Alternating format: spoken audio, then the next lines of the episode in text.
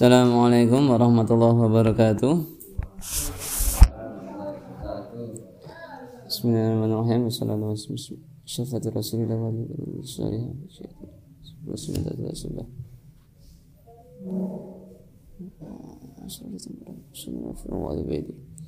الفانحة الحمد لله رب العالمين الرحمن الرحيم مالك يوم الدين إياك نعبد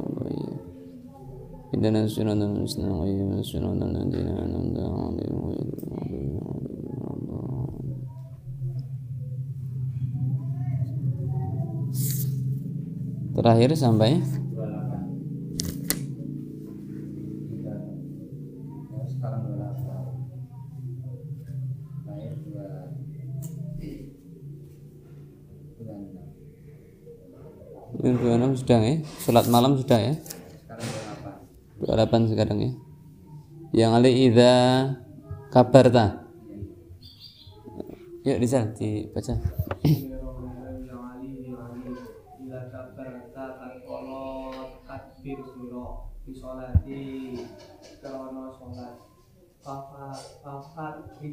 banggo mongko aso aka ing pira-pira biji ira warfa ya teika warfa lan kang kato sira. Ateika ing tangan loro ira. Hat hat wa man hat. Hat kali ambari wa mangki baika bahu loro ira wa i wa ila lan takono wa ila kap wa i, wa ila lan takalo wis. Sambung. Wa idza kab. Wa ila kap barda lan takalo wis takbir sira. Pandok mongko nyilih nyeleh no sira. Yami naka ing tangan ing tangan tangan ira ala simalika ing atase tangan iwa ira tak tasur tah. tasurwatika ing dalem ngisori udel ira wa ila rokata antak koloni koloni kok sira pak ndok mongko nyerehno sira. Ya daika ing tangan loro ira ala ala batika ing atase dengkul ira. Wa farij wa farij lan benggango sira bayi Baina asobika ing dalam antarane piro-piro driji piro Oke. Yang nanti idza kabarta di surati fafarij asabingaka wa rafa' yataika had wa mangkibaika. Ini kita sudah bahas lebih ke fikih nih ini. Ini tata carane sholat jadi jeng Nabi secara langsung hadis-hadis jeng Nabi tentang sholat itu biasanya tidak seperinci ini. Biasanya sholat hadis Nabi yang terkenal tentang terkait sholat ya Solu ala itu muni usolli. Solato koyo aku sholat. Jadi Nabi tidak biasanya tidak terlalu merincikan harus ini harus ini harus ini harus ini. Nah ini eh, khusus hadis langsung. Soalnya biasanya hadis-hadis sholat itu biasanya hasil penglihatan sahabat. Jarang sing Nabi sendiri ngendikan nek sholat caranya ini nek sholat caranya ini itu jarang. Ya ini salah satu hadis yang jarang itu hadis hadis yang sedikit tentang jeng Nabi sendiri yang ngendikan caranya sholat itu seperti ini. Caranya sholat ini ketika takbir dibenggang driji iro jadi dibenggang ini ora tidak mengepal. Susah le anu ini malah kayak ngejak wong gelut.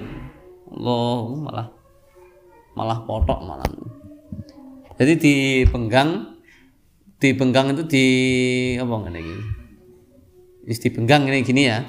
Dipenggang itu bisa ada yang bilang yang penting dipenggang ada yang jari-jarinya itu menyatu ada yang jari-jarinya misah terserah. Yang penting dipenggang tidak mengepal yang penting Arab enggak sing full penggang ada melengkung ini enggak masalah. Yang penting tidak mengepal. Warfa yadakahat wa mangkibaika.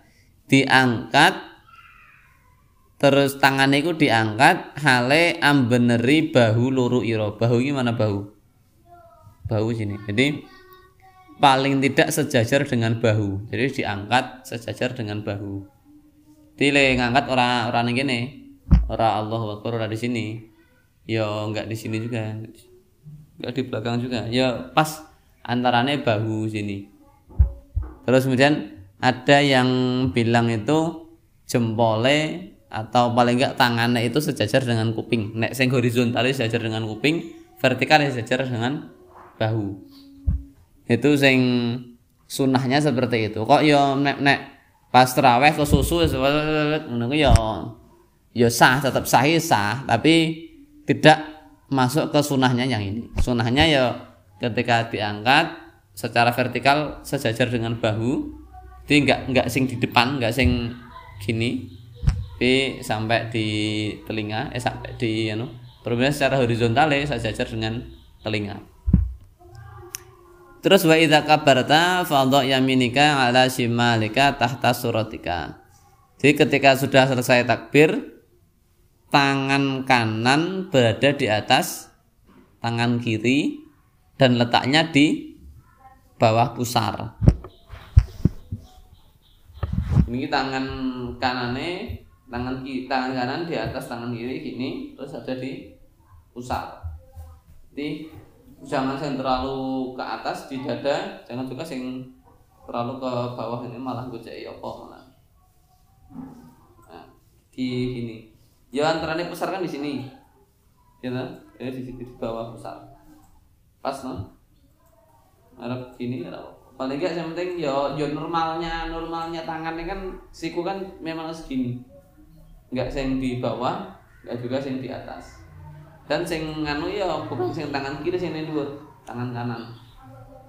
Tangan kanan sing ini tangan kanan di atas tangan kiri. Ya, ya seperti kalian sholat seperti biasa ya asal jangan nggak usah sing di puter-puter biasa. Biasa aja. Diputer-puter ya marah kayak ngopo? Yes otomatis kiri kanan ya nggak usah sing di Nanti jurus barang malah berubah dari Kamen Rider barang. Itu ketika sedakap di ya se seperti kita kita sudah praktek pada umumnya itulah itu sudah benar di Tapi kalau itidal itu tidak disunahkan untuk uh, sedakap ya sedakap boleh tapi sunahnya malah di kelembreh dibiarkan kalau pas itidal. Itidal itu yang setelah rukuk ini. Terus kemudian wa idza raka'ta fadha yataika ala rukbatika wa farij baina asabingika.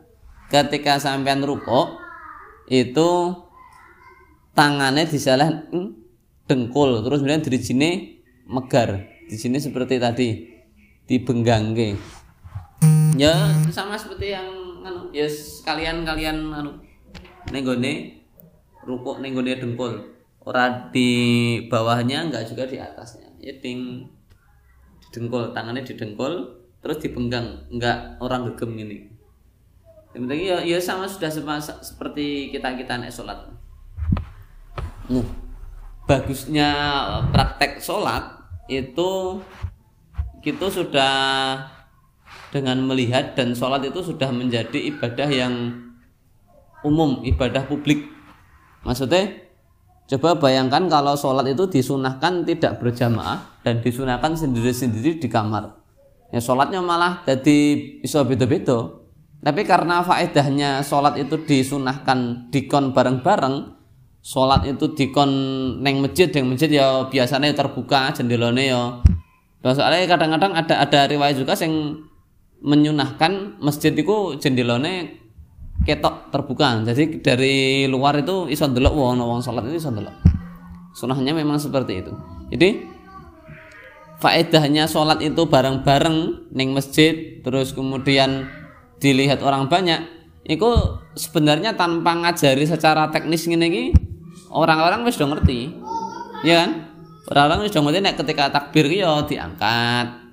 Ketika sedekap yo tangannya neng ini ketika rukuk seperti itu ketika duduk seperti itu sujudnya ngono kuwi itu sudah sudah otomatis.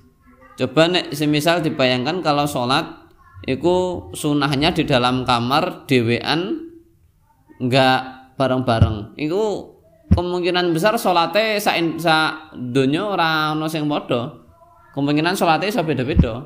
Mau dewe-dewe semisal mbah yai sholatnya ki mbak santri-santrine ki mbak masyarakat ki mbak dewe-dewe ngono kuwi. Ya sing memang mbah yai sing memang wis ngerti carane seperti apa ya sing ngerti mbah yai tok santri-santri ya ini carane sholat itu piye? Masyarakat barang awam ya ini carane sholat itu gimana? Kan ya nggak tahu. Ini faedahnya sholat itu memang disunahkan berjamaah di masjid bareng-bareng di tempat yang terbuka di tempat umum ibadah publik ya semuanya bisa tahu. Makanya penting itu pentingnya sholat jamaah. Apalagi besok ketika ini kan yang pondok ya sholat jamaah di aula.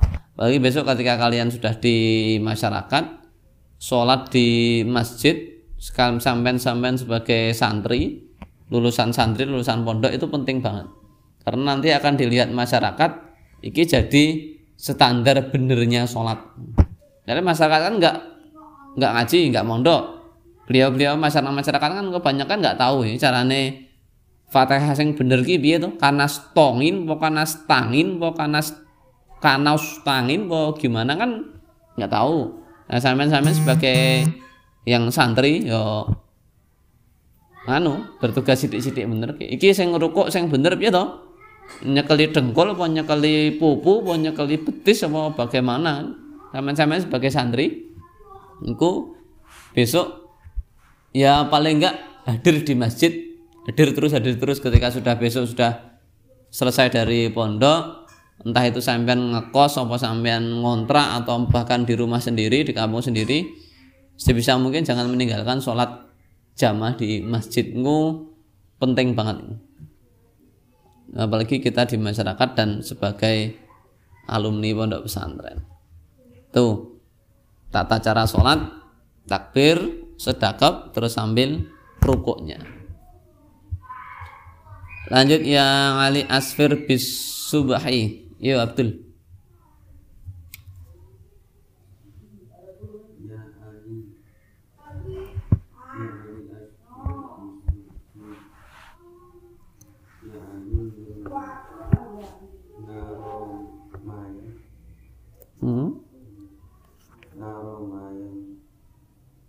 Ngerom yang ngerom yang ngo ngarom yang ngo.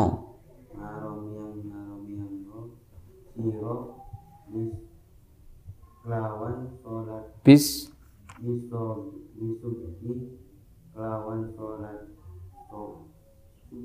subuh wasolin wasol wasolin maghrib ba dan sholat siro yang maghrib ba'da apa yang dalam tak surupe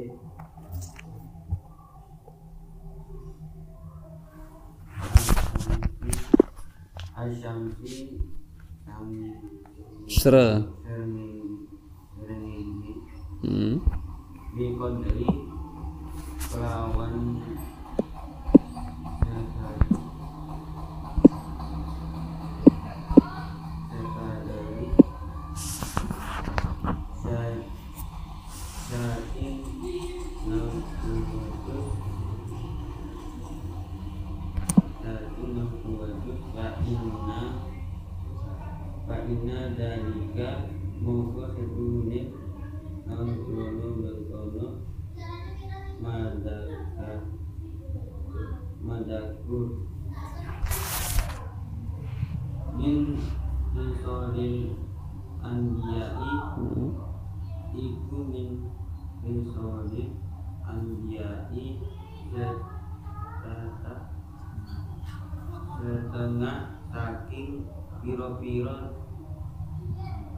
indah piro Mhm. nabi piro-piro nabi Mm-mm. alaihi musholatu mongko tetap mengatasi tetap mengatasi anbiya Mm-mm. opo rahmah Apa as-sholatu? salatu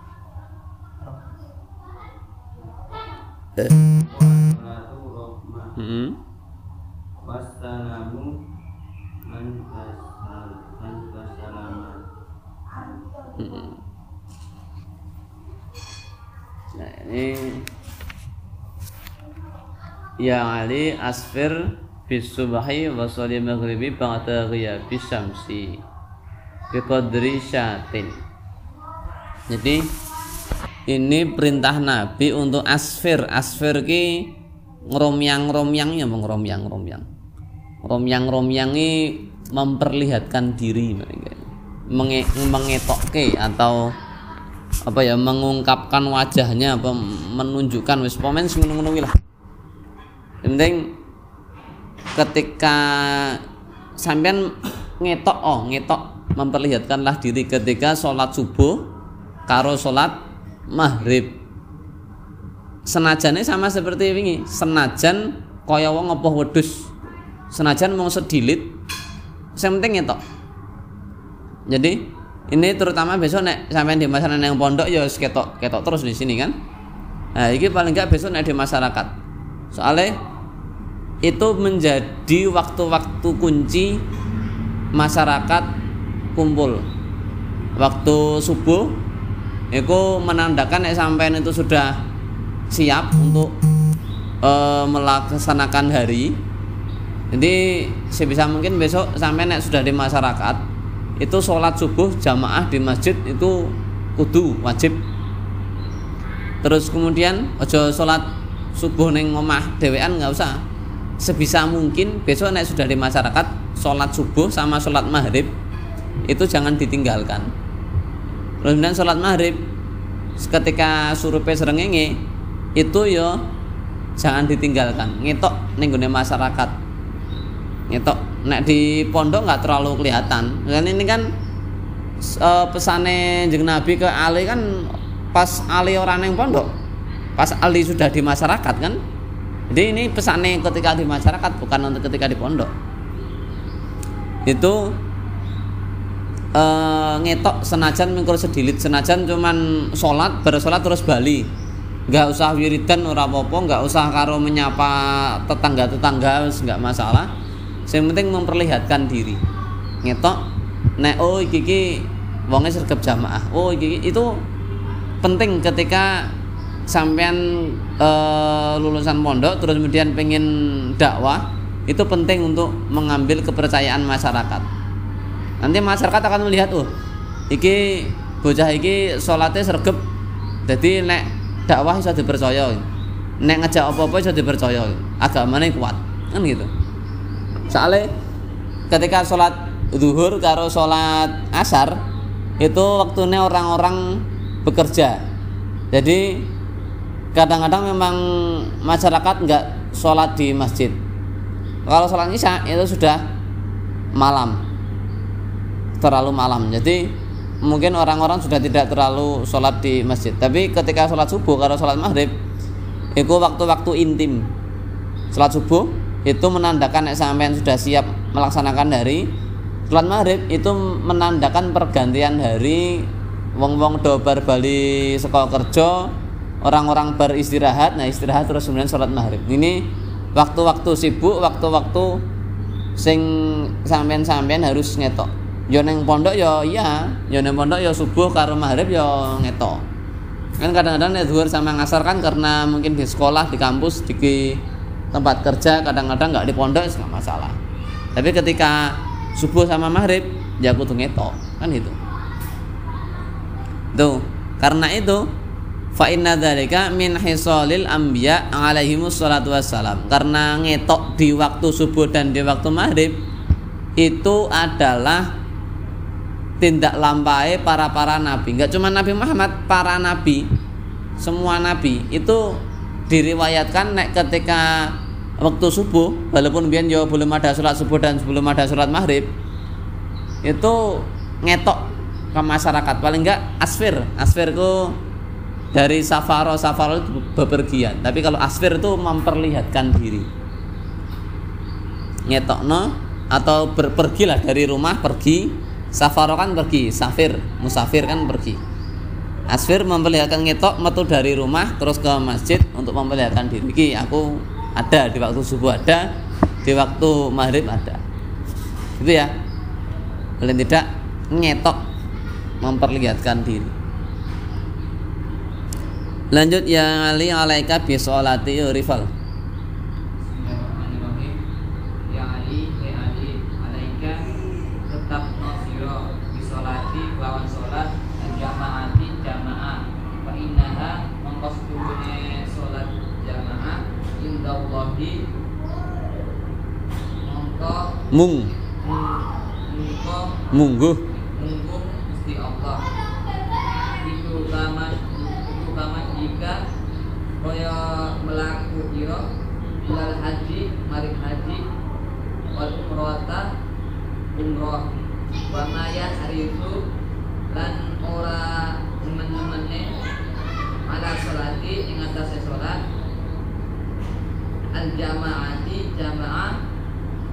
illa rajul illa rajulun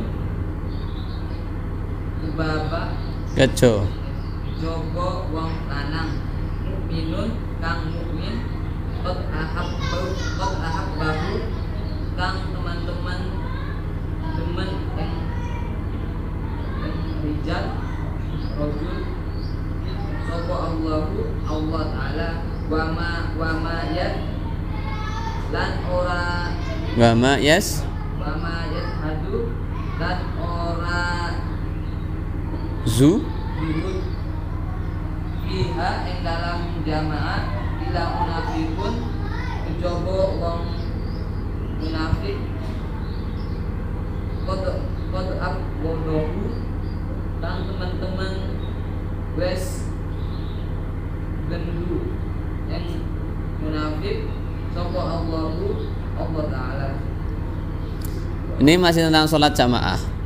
Ya Ali alaika bi sholatil jamaati fa innaha indallah kama syika ilal hajj wal umrah. Jadi ayo kita itu menggalakkan sholat berjamaah. Sholat berjamaah di pondok atau besok sampai sudah selesai dari pondok kita nggalake sholat berjamaah. Jadi ngetok sholat jamaah ngetok terus ngetok terus. Karena pilare agama iya sholat. Pilare aku soalnya poso bagaimana kita le menampakkan nek poso? Apa anggere misal poso kat sunah anggere anu oh maaf saya puasa maaf saya puasa. Oh ya kan ya nggak gitu juga. Nek poso kan nggak bisa ditampakkan. Iya kan? Kita nggak bisa menampakkan ketaatan kita berpuasa. Pas poso Ramadan kabeh do poso pas poso sunah piye kita le menampakkan? Malah dadi kaya wong sombong kabeh dadi ra kepenak. Semisal ayo bakso. Oh sorry aku poso terus dijak anu ih ih ana wedang eh sorry aku poso dijak mantenan eh kok mboten ramam oh sorry aku poso poso poso poso poso malah ketoke malah kaya piye ngono malah. Enggak sing beda ketika kita menampakkan sholat kita yang berjamaah konsisten neng masjid. Beda.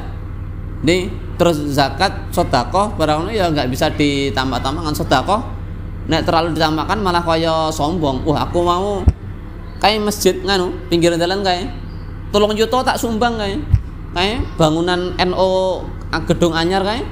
Kayak aku nyumbang 5 juta. Terus kemudian panti asuhan ping- pinggir kono kayak. Aku setiap bulan mesti 500 ewu nggak pernah absen. Malah kita kayak wong sombong kalau seperti itu. Ya kan? Jadi terus haji barang ya kata kayak aku haji ki pendak tahun nggak pernah sepi. Malah kita kayak wong sombong.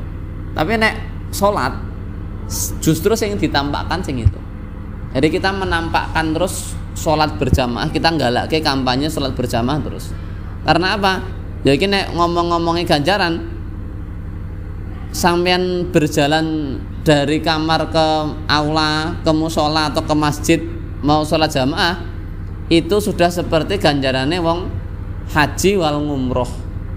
Lah yo gampang ngerasa perlu modal 50 juta haji apa umroh selawe juta.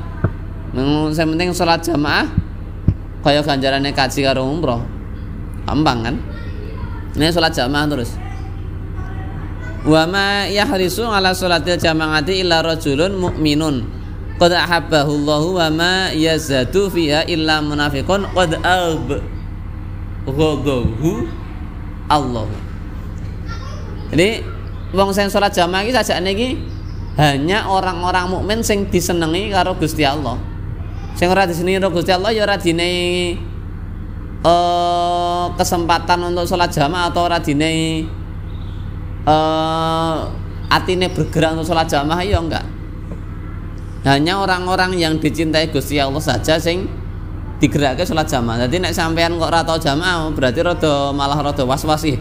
Jangan-jangan ki aku rada adoh karo Gusti Allah lebih rada ora disenengi karo Gusti Allah. Ngene sholat jamaah. Ini wa iki malah sing rada para meneh wa ma yazadu fiha illa munafiqun qad abghadahu Allah zuhud zuhud itu ngedoi. Seorang sing ngedoi sholat jamaah kecuali wong munafik. Jadi nek misal dijak jamaah eh, ayo sholat bareng-bareng sholat jamaah zuhur. Ora aku engko dhewe wae. Iku mbiyen ciri-cirine wong munafik ngono. Ciri-cirine wong munafik mbiyen ning Madinah ning Madinah ketika Nabi hijrah itu kan banyak orang munafik. Orang-orang sing eh, sajakne iku rate Islam tapi karena di Madinah itu semakin lama Islam itu menjadi mayoritas nek ora Islam kon bayar pajak ya mendingan mlebu Islam wae. Nah orang-orang sing Islam engkor Islam-Islaman ngono kuwi ngono dijak jamaah ya Allah kowe aku salat dhewean wae wis cukup. Ra ora arep jamaah ning masjid. Yo ngono kuwi jawabane ketika dijak perang wah moh aku ora melu perang. Aku tak ning kene wae menjaga keamanan yang ada di sini. Yo ngono kuwi dijak orang-orang munafik orang-orang munafik mbiyen seperti itu. Bahkan ada suatu riwayat hadis menaikku yang menyebutkan nek orang munafik ketika berjamaah iku le semisal jamaah ya jamaah tapi kadang-kadang le melaku atau le bergerak malas-malasan ngono. Itu ya juga salah satu ciri-ciri orang munafik. Makanya nek Gus kan ngendikane nek arep jamaah iku diusahakan rada ana kesusune sithik rada mlayu-mlayu sithik rada cepet-cepet enggak sing oh jamaah hmm. terus wudu karo ngobrol sik le wudu di suwek-suwekke wis komat isih biasa wae wudune isih biasa. Golek peci sinandi le golek peci biasa santai. Kok tekan kono wis tahiyat akhir? Ya ora ngono kuwi. Iku sama ciri-cirinya orang munafik mbiyen zamane Kanjeng Nabi. Sing bedake wong munafik karo wong ora munafik nek zamane Kanjeng Nabi mbiyen itu nek wong mukmin sing tenanan iku ketika wis adzan niku wis langsung anu buru-buru. Jadi ada unsur terburu-buru, ada unsur kesusune. Uh, ki peci sini, peci peci sini, sarung di sarung, sarung, sarung, sarung, klambi, klambi, klambi di klambi. Langsung yo walaupun orang sing melayu kaya sampean lomba balap lari ya paling enggak jalannya lebih cepat. Wudune ya tetep enggak sing kesusu-susu tapi enggak sing terlalu santuy ngono kae. Jadi ada unsur kesusu nih. Itu untuk membedakan kita dan orang munafik. Apalagi jangan sampai nek kita ngedoi sholat jamaah kecuali tanpa alasan apa pun. Jadi nek nembe nanggung nembe reget banget terus nanda memang nanda aku dua adu sike ya wis engko ya aku nanda adu sike sampean jak masih ora apa ya nggak apa-apa. Tapi ketika memang sampean nembe lodang nembe santai-santai nembe dolanan HP nembe ngobrol karo kancane sing ora penting ngobrolane iso dipending untuk nanti ya wes ya sholat ae. Ayo sholat jamaah ya ayo sholat jamaah ayo sholat jamaah. Malah sing dijak ngobrol sisan dijak sholat sisan. Jangan ditunda-tunda. Itu ya sholat jamaah sampai dulu ketika aku malam pertama di Kayuhan pindah di Kayuhan Bunyai kan derek nginep di Kayuhan terus kemudian ketika habis sholat subuh pesan pertama yang dipesankan punya yang ke saya itu tik ojo lali ninggal sholat jamaah neng masjid iku kudu wajib orang oleh ditinggal. Kene semisal sampean neng kene wajib kudu melu sholat jamaah neng masjid. Sampai sekarang tak terapkan pesene bunyai bahkan kadang-kadang ketika sholat duhur sama sholat asar sholatnya itu cuman berdua. Cuman saya sama sing adan sing adan ya masih kelas 3 SMP seperti kalian ini kelas 3 SMP rumahnya cuman sampingnya rumah. Yo sing sholat ya sing adan ya anak ini kelas 3 SMP ini namanya Ilham. Yo si si adan yo Ilham ini sing komat yo Ilham ini. Yo nanti ketika ada saya yo nanti bareng sama saya. Ketika nggak ada saya yo Ilham dewean ini sing sholat. Jan dewe nil. Padahal di sebelahnya ada bengkel las ada bengkel las no di sana ya ada karyawan-karyawan ya nggak ikut sholat jamaah. Ada yang baru di sawah-sawah atau ada bapak-bapak ibu-ibu. Ya nggak ikut sholat jamaah ya yang jamaah ya cuman si ilham ini biasanya. Ada saya ya tambah ada saya tok. Kadang-kadang ada adik adik masih kecil kelas 2 SD dia cuma tiga orang ini tok yang ikut sholat jamaah. Makanya ketika saya zuhur atau saya asar ya sebisa mungkin saya sholat jamaah di sana tapi kok naik semisal pas bepergian atau pas di sini atau pas di sekolah ya sudah ya spend dia sendiri. Jadi kadang-kadang ketika dia sekolah yang adzan duhur itu yang nggak ada kadang-kadang.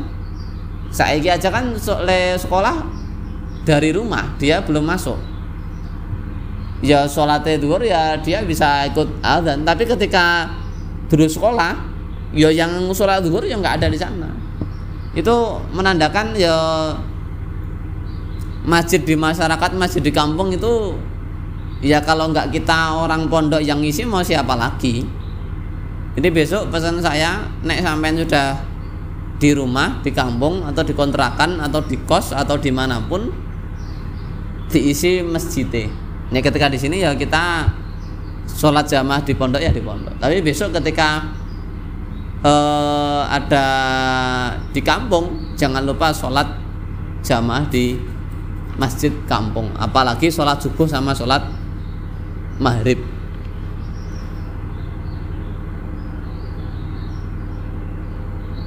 Eh satu lagi ya Ali Ahabul Ibadi. Yang belum siapa? Ramdan. Ya Ali ya sahabat Ali Abdul Ibadi Tahu Dan Semani Dua puluh Allah Semani Allah Alam Mawajud Allah Abdul Ibu Abdul Sajidun Pulau kang Sujud Kamulo Kamu kang Sujud kang Mencat Pilih Sujud Sujud yang dalam Sujud Sujud Abdul yang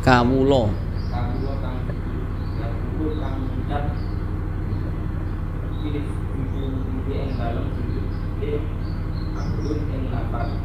Robbi ini Dia pengeran pulau Dolamku Turune Kamulo. Ini setuhune kamulo. Robbi dia pengeran pulau Ini Iku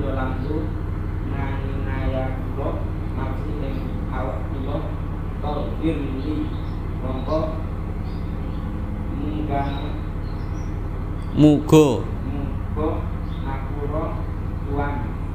Datang pulau li. Ah, ini datang lo terus? Dan din ing dosa kula.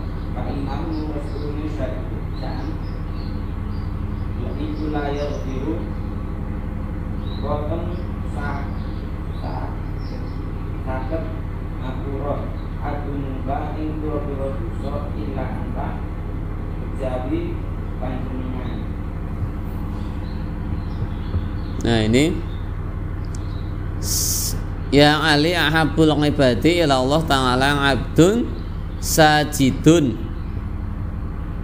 Orang-orang yang paling dicintai Gusti Allah itu orang sing sujud. Makanya sampean perlu berbangga diri sampean sudah diberi kesempatan untuk sujud. Jadi itu menjadi orang yang paling dicintai Gusti Allah. Itu memori yang paling baik yang paling besok bisa sampean banggakan ketika di akhirat ya memori ketika sampean sujud. Makanya nek sujud ya nggak usah kesusu ya dinikmati. Ketika sampean sujud dewe ora usah ketika sholat sendiri ya ya biasa aja nggak usah cepet-cepet nggak usah jadi itu memori yang paling dikenang besok ketika sampean menghadap pangeran ketika besok sampean di akhirat. Memori yang paling baik itu memori ketika ingatan ketika sampean sujud. Wah, aku pernah sujud. Aku pernah nyimbah neng Gusti Allah. Itu memori yang paling bisa dibanggakan. Karena itu yang paling sesok ditanya kan sampean sholatnya piye? Sampean sujudnya piye? Kan gitu yang pertama kali ditanya ketika ditanya pertama kali sudah nggak pernah sholat nggak pernah sujud ya langsung dek.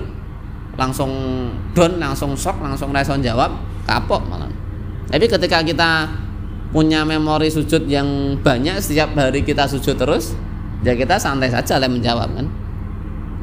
Nah ketika sujud itu biasanya kita kan subhana rabbiyal azimi wa a'la wa bihamdi gitu kan. Nah, ini nyoba kadang-kadang soalnya bacaan sujud itu enggak paten, enggak seperti Fatihah sama tahiyat. Kalau Fatihah sama tahiyat itu cuman itu bacaannya. Fatihah harap sampean ganti eh tak ora maca Fatihah, tak maca ayat kursi wae enggak bisa. Tahiyat eh tahiyat bacaannya tak modifikasi lah. Bukan atahiyatul mubarakatus tapi tak ganti Allahumma kabirong oh ya nggak bisa ya tahiyat sama fatihah tetap itu tapi kalau yang lain duduk di antara dua sujud terus ruko itidal sujud itu boleh nggak dibaca boleh dibaca yang biasanya kita pelajari. Bisa juga yang, yang dibaca ini ini tu nafsi faghfir li dzambi fa innahu la yaghfiru illa anta. Cepet dong enak no? Ini tu nafsi faghfir li dzambi fa innahu la yaghfiru illa anta. Ya Allah kisah temene saya itu sudah menyiksa diri saya sendiri. Sudah banyak dosa lah ini ya Allah aku wis kakean dosa ya. Semoga-moga jenengan kersa paring ngapura kula. Soalnya ra ono sing iso paring ngapura kecuali jenengan. Kan gitu. Aku sudah dosa aku wis akeh Gusti. Ya Allah aku njaluk ngapura. Terus ya sing iso tak jaluk ngapura ya cuman jenengan liyane jenengan nah, nggak ada gunane ngapurane aku njaluk ngapura ning gone wong ning gone siapa pun. Ya sing iso ngapura itu cuman jenengan tok Gusti. Makanya aku njaluk ngapura ini dalam tu nafsi faghfirli li dzambi fa innahu la yaghfiru dzunuba illa anta. Tuh. Ya sesekali lah kita sujud nek pas kelingan ya nanti asar. Kita sujud paling enggak sepisan kita ngamal ke niat ngamal ke ilmu ini dalam tu nafsi faghfirli li dzambi fa innahu la yaghfiru dzunuba illa anta. Gitu ya. Ini memori kita sujud. Makanya pas sujud itu ditenangi enggak enggak cuman lalu-lalang karena kenapa sujud kok enggak itidal kok enggak ruko kok enggak pas berdiri? Karena sujud ini waktu paling dekat antara nih hamba karo pangeran ki pas sujud ini makanya pas sujud sebisa mungkin dieling-eling yo muji pangeran dieling-eling alhamdulillah dina waktu sujud. Ini memori apa? Pikirannya sampean pikirannya ora wih kingko bukone apa ya? Iki engko sadurunge buka ngabuburit pit-pitan nanti ya? Iki engko nek sahur aku nganggo menune buka mending aku tak tuku mie engko men sahure aku ya iso nganggo mie. Bareng aku gawe dhewe anget enak. Ya jangan enggak ketika pas sujud diusahakan jangan mikir macam-macam ketika sujud diusahakan mikir Gusti Allah. Mikir ini bisa. Ya Allah aku kakean dosa muga-muga jenengan purun ngapura. Atau subhan rabbiyal ala wa bihamdi ya Allah jenengan zat yang paling dhuwur Subhana rabbil azim ya bihamdi ya Allah jenengan zat sing paling ageng. Atau apa lah ya Allah matur nuwun pun diparingi kesempatan gue sujud. Ya Allah wis pemain pikirane dijaga. Khususan pas sujud dijaga kita mikirnya mikir Gusti Allah enggak mikir sing liyane. Itu ya. Tuh masih tentang sholat tentang sujud sebisa mungkin diiling-iling mungkin seperti itu. Untuk siang hari ini ada yang ditanyakan?